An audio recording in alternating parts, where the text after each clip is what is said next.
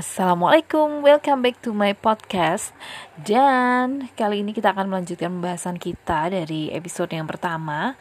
Kita membahas tentang PKK Apa sih PKK gitu kan. Dan pasti kalian juga udah nunggu-nunggu episode kedua kan Dan penasaran kita mau bahas apa di episode kedua ini. Well, kali ini saya akan membahas tentang sejarah PKK Jadi biar uh, teman-teman pada tahu ya PKK itu gimana sih? Gimana sih terbentuknya awalnya? Kayak gitu.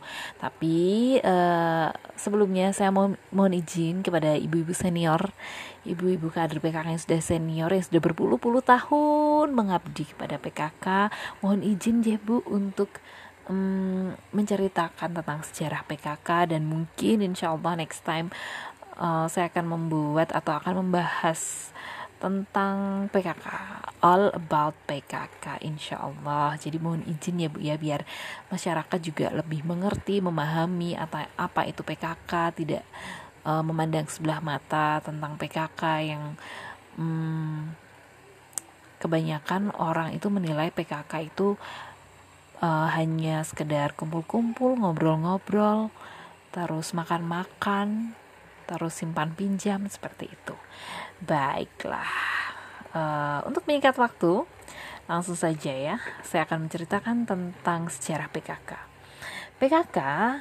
yang sekarang dikenal dengan pemberdayaan dan kesejahteraan keluarga, merupakan organisasi kemasyarakatan yang memberdayakan wanita untuk turut berpartisipasi dalam pembangunan Indonesia. Masya Allah, keren banget ya. Turut berpartisipasi dalam pembangunan Indonesia. Jadi skupnya sudah bukan lagi tingkat kota atau provinsi atau bahkan RT, RW dan desa wisma tapi ini sudah tingkat nasional yaitu untuk pembangunan Indonesia. Nah, PKK ini sudah sangat dikenal sekali dengan program-programnya yaitu 10 program pokok PKK. Jadi kalau teman-teman lihat uh, di kampung-kampung itu biasanya ada papan 10 program pokok PKK.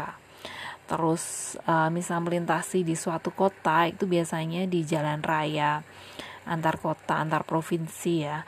Itu ada juga yang namanya Tugu PKK yang di situ menampilkan 10 program pokok PKK. Dan PKK ini merupakan sebagai gerakan pembangunan masyarakat. Nah, awalnya itu dari seminar Home Economic di Bogor tahun 1957. Nah, sebagai tindak lanjut dari seminar tersebut, Kemudian pada tahun 1961 menyusun 10 segi kehidupan keluarga atau yang sekarang ini disebut dengan 10 program pokok PKK. PKK atau gerakan PKK ini berawal dari kepedulian seorang istri gubernur Jawa Tengah yang pada tahun 1967 yaitu Ibu Isriati Munadi setelah melihat keadaan masyarakat yang menderita busung lapar pada saat itu.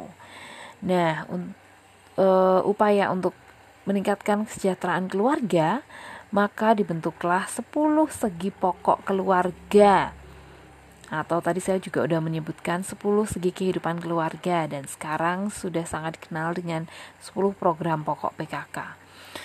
Uh, PKK ini anggota timnya itu adalah relawan-relawan yang terdiri dari tokoh masyarakat, para istri kepala daerah sampai dengan tingkat desa atau kelurahan. Jadi kader PKK itu adalah seorang relawan yang mereka rela untuk tidak dibayar demi mewujudkan pembangunan Indonesia, demi mewujudkan visi dan misi dari PKK itu sendiri. Jadi untuk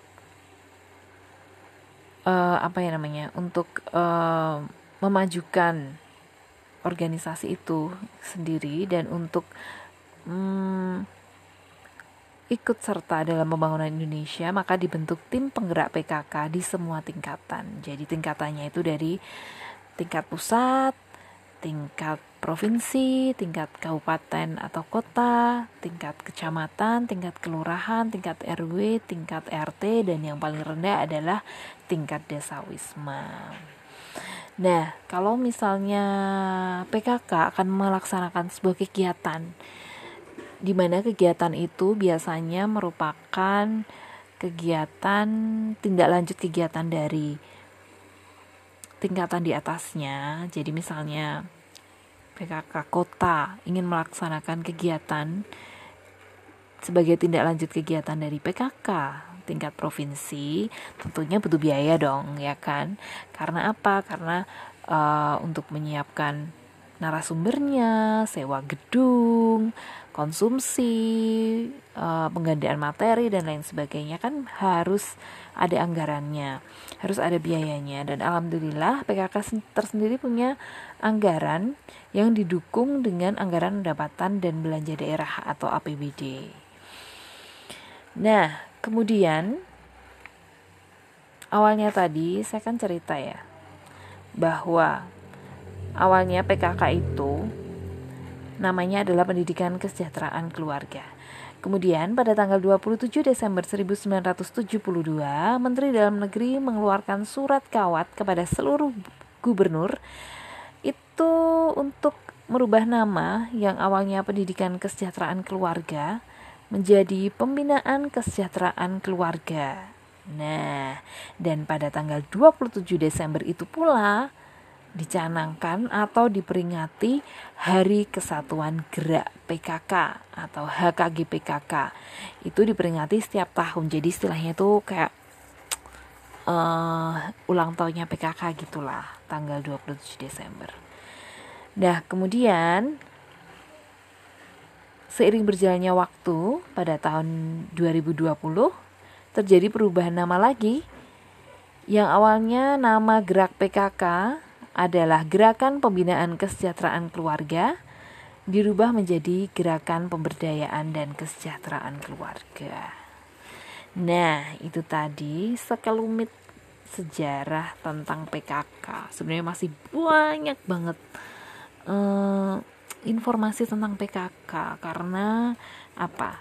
Di PKK itu punya petunjuk teknis dan petunjuk pelaksanaan tersendiri yang mengatur segala sesuatunya dari seragamnya, terus dari susunan pengurusnya, dari ih banyak banget pokoknya.